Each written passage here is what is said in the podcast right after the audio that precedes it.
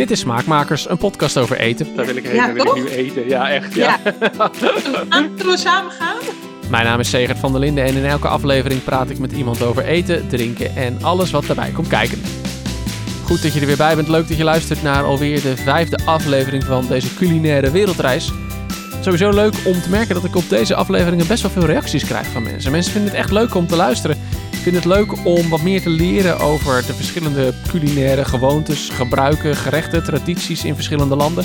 Ehm, ik ga er dus ook nog wel even mee door wat mij betreft. Sowieso omdat ik dus die aflevering over de Indiase keuken nog moet maken, weet je wel?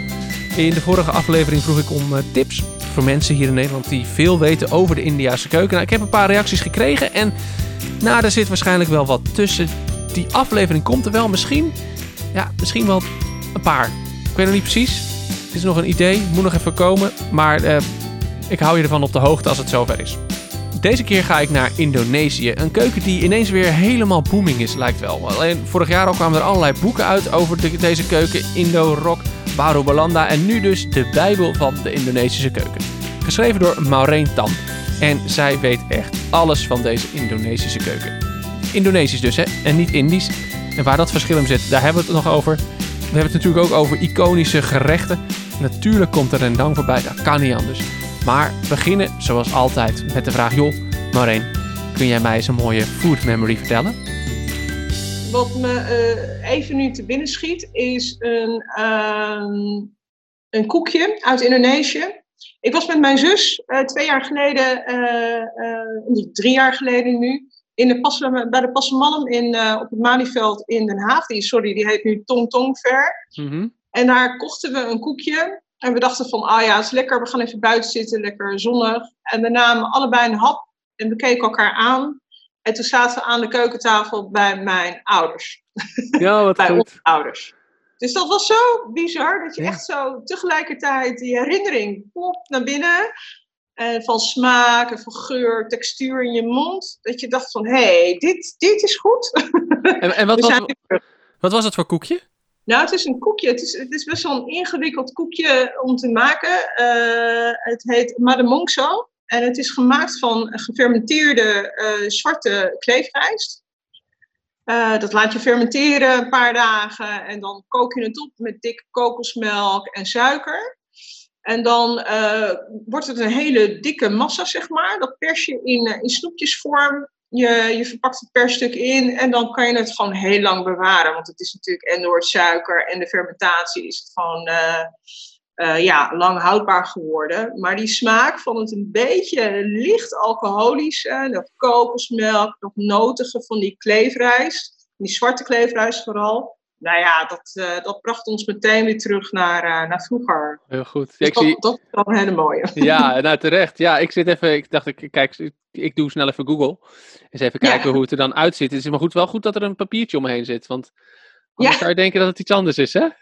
het is precies, toch een klein beetje de vorm van een drol, moet ik eerlijk bekennen. Het is, ja, het is heel donker en zwart. En ja, je, wat denk je? Wat, wat, je- volgens mij Nederlandse mensen zouden het helemaal niet herkennen. En, eh, Aziaten natuurlijk wel, die denken meteen, oh, er zit er iets van rijst in. Maar er moet inderdaad wel een eh, wrapper omheen, een papiertje omheen. Want het kleeft natuurlijk ook een beetje. dat. En dan kun je ook een beetje bedenken van, nou, het is een snoepje. Want het wordt als een snoepje verpakt. Ja, ja inderdaad. Ja, als, inderdaad. Met de verpakkingjes eromheen, mooi. Ik zie heel veel allerlei kleurtjes er zo voorbij komen. Dan is het inderdaad gewoon lekker een snoepje, inderdaad, ja. Hey, waar stond die keukentafel van je ouders? Was dat gewoon in Ne- was dat hier in Nederland of was dat in Indonesië? Of weer heel ergens anders op de wereld? Ja, dat kan ook nog, hè. Nee, de, de keukentafel waar ik ben opgegroeid eh, is, en waar ik ben geboren, is Amsterdam. Amsterdam, Nederland en eh, in Buitenveldert, Amsterdam-Zuid. Eh, mijn, mijn ouders zeg, zijn naar Nederland gekomen in 1964. En ik ben in 1969 geboren. Mijn twee oudere zussen zijn wel in Indonesië geboren, in Surabaya. En, eh, maar goed, eh, het gezin, mijn moeder is Indisch, eh, die, die wilde op een gegeven moment weg. Hè. De, situatie daar werd heel naar en grimmig voor haar. Dat ze tegen mijn vader, tegen, onze vader zei van, goh, ik wil naar mijn familie. Want haar familie, broers en zussen, zaten al in Nederland. Eh, ik wil ook naar Nederland. En dus eh, hebben ze op een gegeven moment eindelijk eh, de toestemming gekregen om naar Nederland te vertrekken. Mijn vader is Chinees. Dus dat was nog even moeilijk, want in die tijd was je communist oh, ja. als Chinees. Dus dan kom je, kwam je weer het land niet in. En dan, nou ja, goed, dus het, zij was echt, ze waren echt van de laatste lichting. Geen spijt op tand, absoluut niet. maar gewoon geen toestemming gekregen om, om Nederland in te komen tot pas in 1964. Ja, ja. Zonder, zonder die hele geschiedenis helemaal in te gaan. Want het is ontzettend complex en ingewikkeld. En nou ja, zeker hier in Nederland komen we er niet al te fraai vanaf. Maar um, je noemde heel even voor je moeder werd de situatie onveilig in Indonesië. Hoe, hoe, hoe kwam dat? Uh, mijn moeder is, uh, ja goed, ze, ze had vroeger, to, toen ze nog jong was, had ze rood haar, groene ogen en een zeer blanke huid. Van Nederlandse afkomst, Indische afkomst. Uh, ja, dus dat, zij was daar niet meer welkom. Ze, de, de, Indonesische mensen, de Javanen in Surabaya, wilden haar weg hebben. En dus werd er ook uh, ja, leuzen op het, uh, op, het, uh, op het huis gekalkt en een soort uitgescholden en bedreigd. En, dus ja, het, het werd steeds grimmiger en gevaarlijk. Hè. De situatie was echt gevaarlijk in die tijd. Dus ja, vandaar de keuze om, om het land waar ze geboren is te verlaten. Wat voor rol speelde eten dan bij jullie thuis? Oh ja, ik weet niet of je een beetje Indische mensen kent, maar. nou, ik weet, mijn buren twee huizen verderop zijn Indisch. En als daar een feestje ja. is, dan, s ochtends, dan word je op zaterdagochtend wakker. En dan, komt de geur al je tegemoet, zeg maar. Ja, zeker. nou, zo dus ook bij, uh, bij, bij onze ouders vroeger. Het was natuurlijk, uh, eten is gewoon heel belangrijk. Het is in, in heel Azië, denk ik, uh, is het belangrijk. Maar bij de Indische mensen is dat natuurlijk hè, een vorm van gastvrijheid. Een vorm van in Indië terughalen. Het land van, van oorsprong, zeg maar, waar, waar we vandaan komen om die smaken, de geuren uh, weer te krijgen. Dus dan, dan, ja, je eet en het eten, de Indonesische keuken is zo enorm rijk. Dat je elke dag wel weer een ander gerecht op, op tafel kan zetten. Hè? Het is niet een repertoire van, van zeven, zeven dagen in de week, maar je kan daar drie jaar mee doorgaan. Yeah. Misschien wel meer. dus ja, het was gewoon heel belangrijk. Het was een uh, manier om met uh, je gasten om te gaan. Het was natuurlijk altijd heel druk in huis. Dus ja, en, en dan kookte je. Je vroeg eigenlijk meer van hoe gaat het met je en heb je al gegeten. Marijn schreef dus de Bijbel van de Indonesische keuken. Indonesische keuken. En dat is belangrijk, want het is niet de Bijbel van de Indische keuken. Die twee keukens hebben veel overeenkomsten, maar er zijn ook wel echt verschillen. Toch Marijn? Wel en niet, moet je eerlijk zeggen, Zegert. Het is uh, zo dat, dat de, uh, de Indische keuken, waar ik ben uh, mee opgegroeid, is natuurlijk erg gelinkt van de Indonesische keuken of aan de Indonesische keuken. Het zijn gerechten die misschien net wat minder pittig zijn en met, minder, met andere ingrediënten zijn klaargemaakt.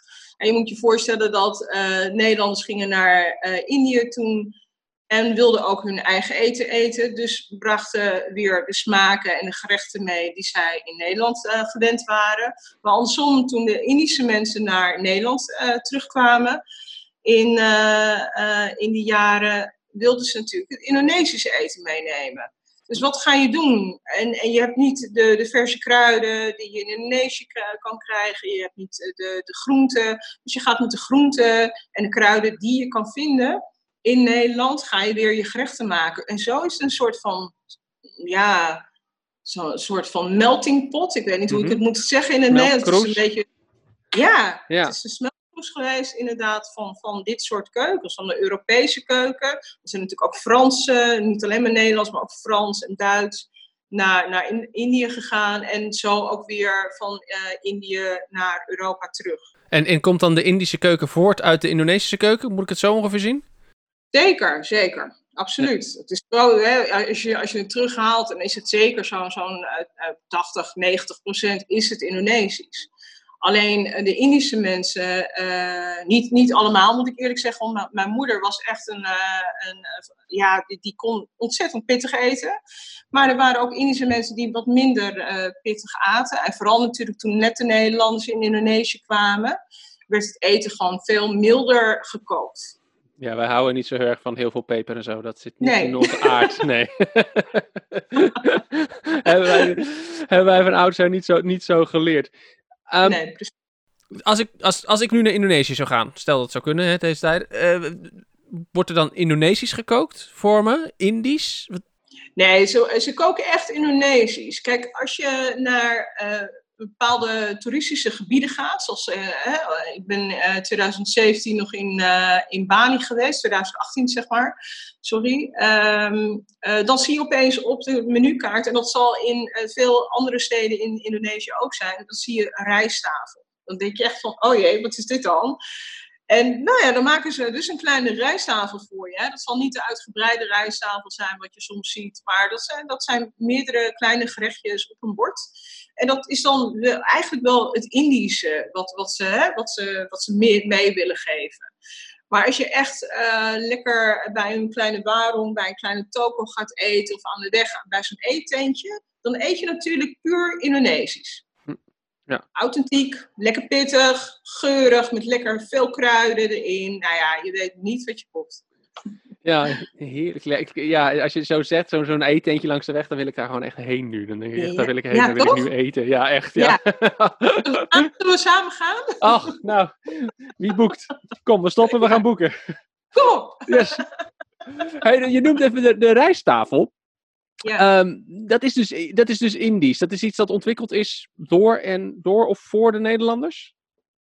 Ja, dat denk ik wel. Kijk, er zijn natuurlijk verschillende uh, meningen hè? Hoe, hoe, de Indische rijsttafel is ontstaan. De, sommigen zeggen dat het uit de Padangse keuken komt, omdat Padangs, ik weet niet of je wel eens in Indonesië bent geweest, maar de Padangse keuken uh, is eigenlijk een soort van uh, keuken die een soort stijl heeft dat ze verschillende gerechtjes op je tafel doen. Dus je gaat zitten, je krijgt geen menukaart.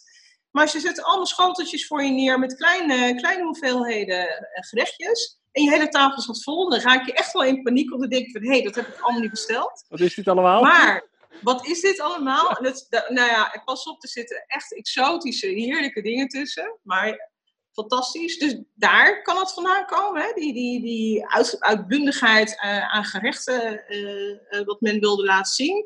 En wat natuurlijk ook de, de, het verhaal is, is dat de, de kolonie, de, de, mensen uit de kolonie, de Nederlanders die in Indonesië terechtkwamen, wilden laten zien aan hun gasten de rijkdom van Indonesië. Dus nou ja, dan ga je je kokkie allemaal dingen laten maken en dan komt er een enorme spread op tafel. Mm om te laten zien, je, je, gastvrijheid ten eerste, maar ook te laten zien van, nou, dit, dit hebben wij hier. Zo rijk is Indonesië. Ja, dus dat zijn twee, uh, dat zijn die verhalen. Waar nou precies, ik ben er zelf niet helemaal achter. Ik denk een, ik denk een mengeling.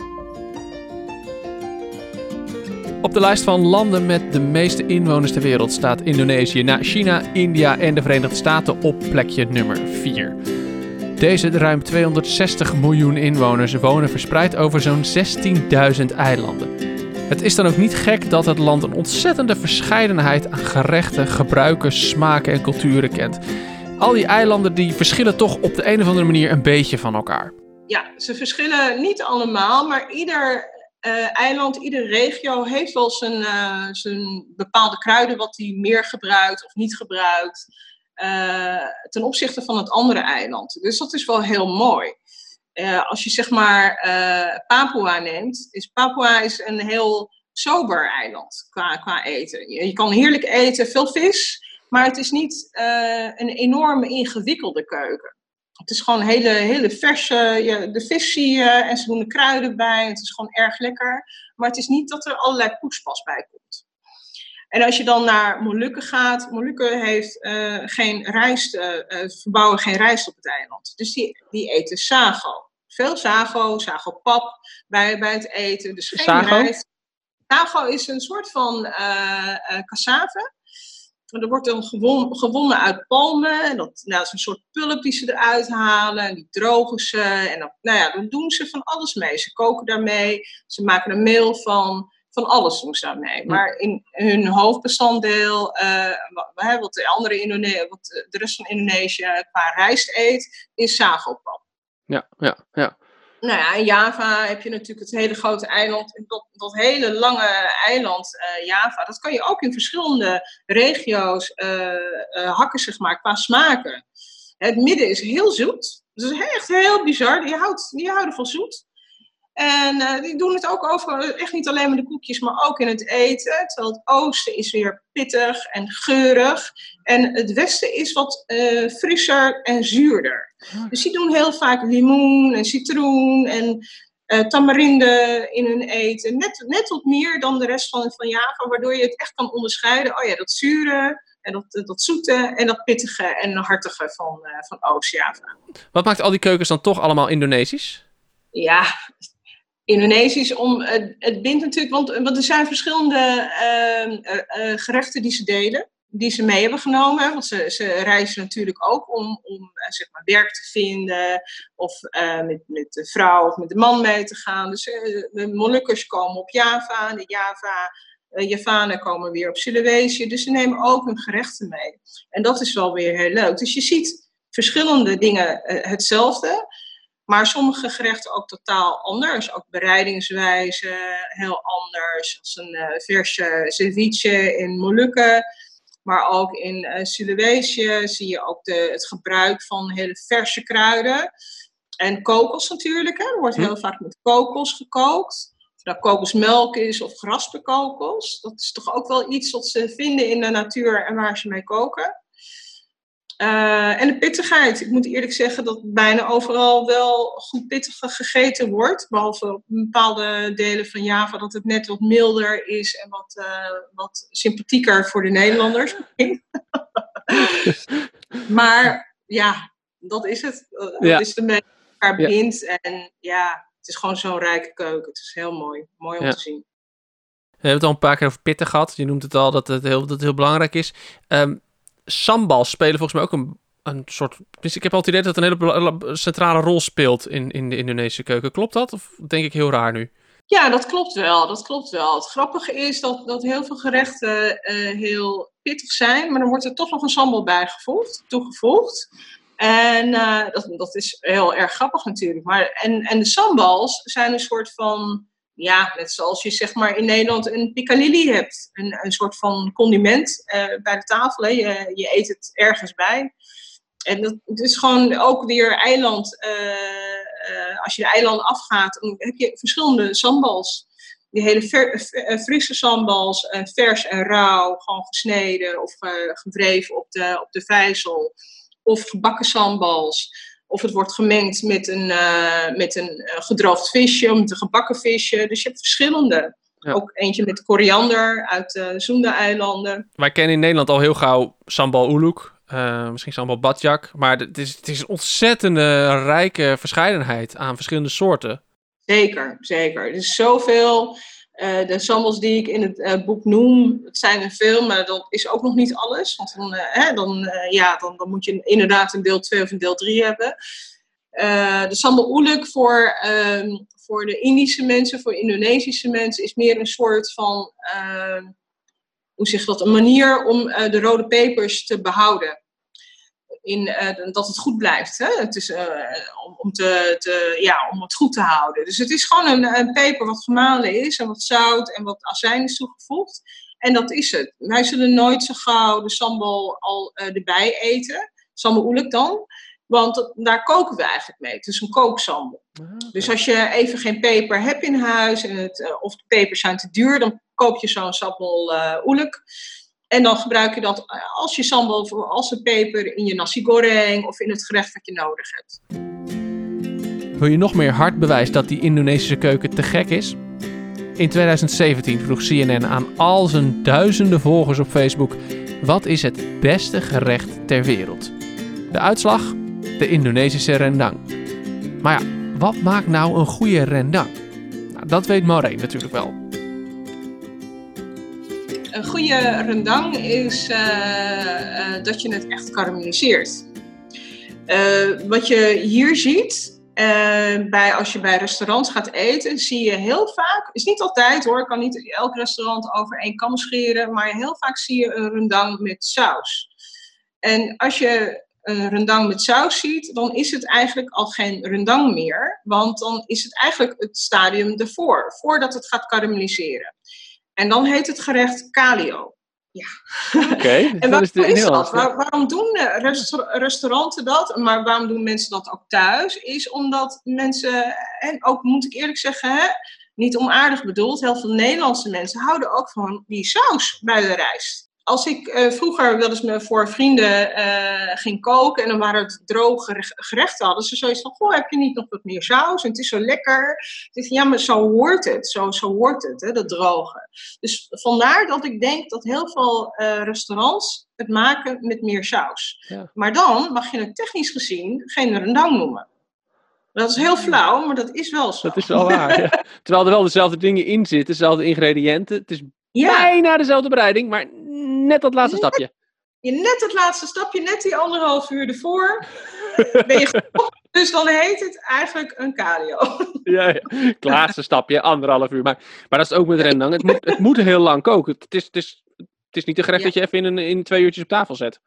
Nee, nee, dat gaat helaas niet. Want je moet natuurlijk eerst eh, wil je het eh, vlees mooi garen. En wil eh, zorgen dat het lekker zacht en hè, lekker smeuig wordt. Of tenminste, hoe zeg dat? Dat? Dat rundvlees lekker mals wordt. En dat duurt natuurlijk even voordat het gewoon goed gekookt is. En daarna begin je te karamelliseren, eh, waardoor hij ook de, de donkere kleur eh, krijgt. Want hij wordt steeds donkerder eh, naarmate die gekookt wordt. Dus eh, je begint met de curry en dan de calio. En hij wordt steeds donkerder, tot het bijna, tot het bijna zwarte af, donkerbruin zwart af. En, en dan is die gewoon goed. Als er totaal geen saus in zit. Want je moet, mm, eh, je, moet je bedenken dat de rendang is eh, eigenlijk een soort van Indonesische beef jerky. Dus je, het is een manier om te bewaren, om het goed te houden, het vlees. Hè? En daarom moet je zorgen dat al die vocht erin zit. Waardoor het wel lekker is en lekker mals is. Maar dat je het gewoon goed kan bewaren. Want zodra je iets met saus wil bewaren, dan gaat dat natuurlijk mis. Dan gaat dat beschimmelen op een gegeven moment. Oké, nog heel even terug naar die lijst van CNN. Want op één stond dus rendang. Maar weet je wat op nummer 2 stond? Nog een Indonesische klassieker. Nasi goreng. Nasi goreng is eigenlijk een soort van eh kliekjes eh, gerechtje. Hè? Het, het, het is de, je, je moet je bedenken dat, dat eh, rijst in Indonesië is bijna iets heiligs. Hè? Je, je gooit geen rijst weg. Sowieso geen eten, dat vinden we gewoon zonde. Dus je, je maakt de rijst het liefste wat je de, de dag tevoren hebt gemaakt.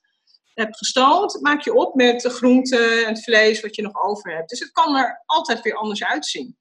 Dat is de grap van nasi goreng natuurlijk. Ja. En natuurlijk heb je eh, wel de specifieke eh, nasi gorengs met zeg maar geitenvlees. Maar dat is ook allemaal, wat is er over van die dag? Is er satay kambing over? Is er gulai kambing over? Dan halen ze dat geitenvlees eruit. En dan maken ze daar weer een, gewoon een nieuw gerecht van. Supergoed. En lekker. Ja, is lekker. heerlijk. Ja. dat ook, heel, heel belangrijk ook inderdaad. Ja. Maar dat is dus, dat is grappig. Daar had ik er nog nooit over gedacht. Ja, ik, ik wist wel, weet je, met, met, met, met gebakken rijst, fried rice, of nou, hoe het noemen wilt, daar kun je makkelijk je groenterestjes mee opmaken en zo, weet je. Eh, Ja. Met een eitje erbij en dan heb je een volwaardige maaltijd. Maar zo is het ook Ja. ooit be- bedoeld dus. Dat vind ik wel grappig. Ja, ik denk dat dat het zo is als je, het, als je sec kijkt naar Indonesië, wat je s'morgens eh gaat eten, wat, wat de kinderen krijgen voordat ze van school gaan, wat je, wat je gaat eten. Heb nu heb je natuurlijk ook dat mensen gewoon op straat gaan eten. Dan is het druk, iedereen moet werken, kinderen moeten naar school. Maar eh, als er rijst over is en, en, en de vrouw of de man is thuis en die, die gaat dat maken, dan, dan bak je het gewoon weer op. Hè? Ja. En, en, en je doet wat groenten. Wat heb ik? Oh, ik heb nog wat een beetje kool of ik heb eh, een beetje garnalen. En dat doe je er doorheen. Natuurlijk is dat eitje erbij gekomen. eh, en dat, dat eten in Indonesië natuurlijk ook. Maar het is ook wel iets wat gewoon een, een volwaardige maaltijd ervan maakt. Het hoeft natuurlijk niet altijd met een eitje. Nee. Hè, Het is gewoon het opbakken, zeg maar. En eh, lekker, de, de koude rijst is natuurlijk lekker om op te bakken. Vooral in zo'n zo'n goede wok. Dan Mhm. krijg je echt dat het een beetje krokant wordt. Dat is heerlijk natuurlijk. Welke smaakmakers kun je niet zonder in de Indonesische keuken? Ja, het zijn er heel veel volgens mij. Denk ik altijd. Ik, denk, ik zie altijd namelijk dat schap van de toko voor me. Dan denk ik, oh ja, dat is zoveel. En het wordt steeds meer, dat is het leuke. Eh, waar zou ik niet zonder eh, kunnen? Ja, ik, ik vind tassi natuurlijk erg belangrijk in de Mhm. Indonesische keuken. De gefermenteerde garnalenpasta. Dat is een smaak wat ik altijd lastig vind. zoals bijvoorbeeld mijn dochter is vegan. Dat is natuurlijk wel een dingetje. Ja. Wat- wat- aan doen om dan toch een beetje die smaak, die umami, die, dat, die, die, ja, die kick erin te krijgen, zeg maar. En ja, dus dat probeer ik dan wel weer met miso. Dus dan om het toch maar een beetje wat hartig te krijgen. Maar trassi in onze keuken is gewoon heel belangrijk. En dat is gewoon het. eh, Ik krijg wel eens een vraag. Ik heb vorige keer een vraag gekregen van een, eh, een Indische vrouw die niet met, eh, met het koken is opgevoed. Wel, het eten heeft geproefd en zo van haar moeder vroeger, maar nooit zelf eh, mee heeft gekookt. Die snapte niet waarom wij eh in een gerecht deden waar toch ook garnalen in eh, werd gedaan. Van, waarom? Waarom doe je dubbel? Waarom doe je eigenlijk hè, garnalen en nog eens een keertje garnalen? Ja, als je dat niet doet, dan mis je gewoon de gelaagdheid in dat gerecht. Want het geeft zo'n mooie smaak. Eh, dat als je, als je het weghaalt, dan is het heerlijk natuurlijk, zo'n garnalengerecht. Maar net met die trassie gaat er net een meer diepte in, in het gerecht. Wat je gewoon erbij moet hebben. Eigenlijk in bijna, in, heel veel gerechten, niet, niet in alle gerechten, maar in heel veel gerechten wordt de trassie gebruikt. Ja, maar het is, het is ook niet, niet raar dat je, toch niet gek dat je het dubbel gebruikt. Het is toch ook gewoon wel, of je nou verse garnalen gebruikt, of, of trassi, eh, gefermenteerd, waar al een heel proces doorheen is gegaan. eh, dat, dat maakt het ook heel anders, denk ik. Ja. Absoluut. Het is een hele andere smaak, weet je. Het is, het is niet dat je denkt van, oh, ik heb nu een hapje garnalen. Het is, het is, het is zout en het is hartig en het is, ja, het heeft zo'n diepe, diepe smaak. Echt, Ja, ja, je- ja, Het is, heft, die het is wel heftig. Het, is, het kan wel heftig heft- zijn. verschrikkelijk, ja. Ja. ik deed ooit een keer per ongeluk verkeerd. Deed ik, deed ik, deed ik, deed ik, deed ik vier keer de hoeveelheid in, in een satésaus. Dat, dat is niet helemaal de... Nee, nee, nee. nee. dat weet hem Dus niet. Een blokje Nee. en ik deed er een heel pakje in. Dat was niet... eh, Oh, zo, ja, ja, nee, nee. Nee. Rijst is een basisvoedsel, belangrijk. Hebben, we- hè, daar hebben we het vaker over. Eh, wat voor rijst gebruik je in de Indonesische keuken? Is het verschillende soorten? Heb je Ehm, ja, je hebt verschillende soorten. Hè? Eh, eh, we hebben natuurlijk eh, de, ja, eigenlijk kan je het noemen, gewoon de, de pandanrijst of de jasmijnrijst. Als je mijn vader vroeger vroeg van, goh, wat voor rijst moet ik nou kopen? Dan, dan kon hij een heel verhaal vertellen. En wij houden altijd van de hele korrel. Het moet niet een gebroken korrel zijn, want dat vinden wij Indonesische mensen, Indische mensen niet lekker. Eh, gebroken korrel is eigenlijk een soort van restproduct. Hè, dat je denkt van, oh ja, dat is niet, niet de juiste kwaliteit. Dat, dat, dat, het is een heel raar mondgevoel. Het wordt heel korrelig in plaats van eh, dat je rijst eet. Dus wij eten pandanrijst. Pandan is dan geparfumeerd met pandan. Eigenlijk jasmijnrijst, hè? De, de langkorrel, de lange korrel. En wat je ook eet in Indonesië is de kleefrijst. Maar dat is meestal voor zoetigheid, voor, voor zoete koekjes. Ja. Witte eh, ketan, eh, witte kleefrijst of de zwarte. Nou, komen we gelijk bij de toetjes uit. Dat is wel een mooie... Ja. Want, want eh, Ik moet niet bekennen, ik ken niet gelijk de Indonesische keuken van, van allerlei toetjes en zo. Maar wat, wat, wat heb je in Indonesië? Je hebt ze namelijk vast en zeker. Ja, het is, het is niet zozeer dat, dat, dat we het als toetjes zien, want we hebben niet zo'n structuur hè, van Hm. voorgerecht, tussengerecht, hoofdgerecht, nagerecht. Dat, dat kennen wij niet in Indonesië. Je eet wanneer je honger hebt eigenlijk, een soort van.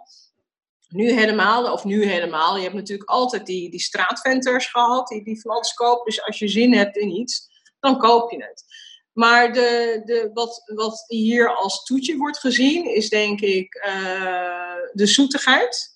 Maar dat zijn meer snacks.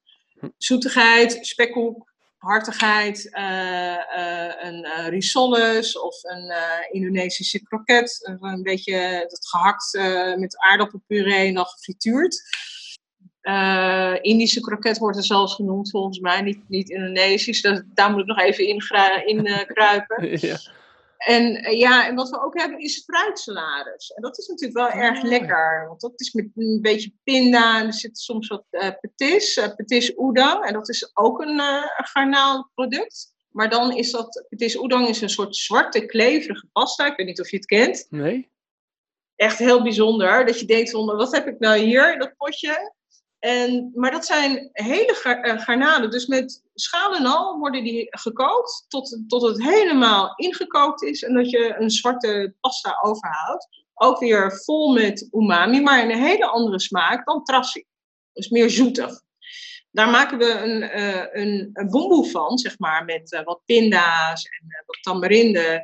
En daar doe je onrijp fruit, dus wat net wat te zuur is, zeg maar, het fruit. En dat doe je dan met, die, met de palmsuiker en een beetje pittigheid van zo'n sausje door elkaar. En dan heb je een soort, dat vind ik namelijk lekker, na het eten nog even een beetje van die rujak, hoe wordt het genoemd? Rujak manis. Ja. Een beetje van het fruit te eten. Ja. Dat zie ik dan als toetje. Ja, ja dus het klinkt ook wel goed. Niet te zwaar. Klinkt niet al te zwaar. Nee, wel lekker. nee. Dat is lekker. En natuurlijk de, ijs, hè, de ijsdrankjes die we hebben. We hebben heel veel van die ijsdrankjes. Chendol ken je misschien wel. En uh, andere gekleurde drankjes met allemaal van die vliebertjes erin. Ja, en ja. Daar zijn we heel goed in. Ik zie ze voor me, inderdaad. Ja. Ja. ja. Hoog tijd is om aan de gang te gaan met die Indonesische keuken. Wil jij dat? Check dan het boek van Maureen, de Bijbel van de Indonesische keuken. Die ligt nu in de winkel en is natuurlijk te bestellen op haar website. Alle linkjes daarnaar vind je in de show notes. Dit was Smaakmakers voor deze keer. Ik hoop er over twee weken weer te zijn. Dan ga ik op zoek met twee oude bekenden van de show. Arno en Mireille van de Holy Cow Company. Twee jaar geleden ongeveer zocht ik ze ook op. Toen hadden ze net hun eerste boek uit, Limonade. Inmiddels zijn ze toe aan boek nummer 4. Ja, dat gaat hard. En het is wel echt het ultieme boek voor komende zomer. Het boek heet Backyard Cooking. Het ligt vanaf 8 juni in de winkels en we gaan lekker kletsen over buiten eten, over de achtertuin en eens even checken hoe het met ze gaat in deze gekke tijden. Dat dus over twee weken. In de tussentijd volg Smaakmakers op alle social media kanalen. Alle linkjes vind je in de show notes. Deel het met je vrienden, vertel erover op straat, dan vinden nog meer mensen Smaakmakers. Over twee weken ben ik er dus weer. Ik zou zeggen, tot dan.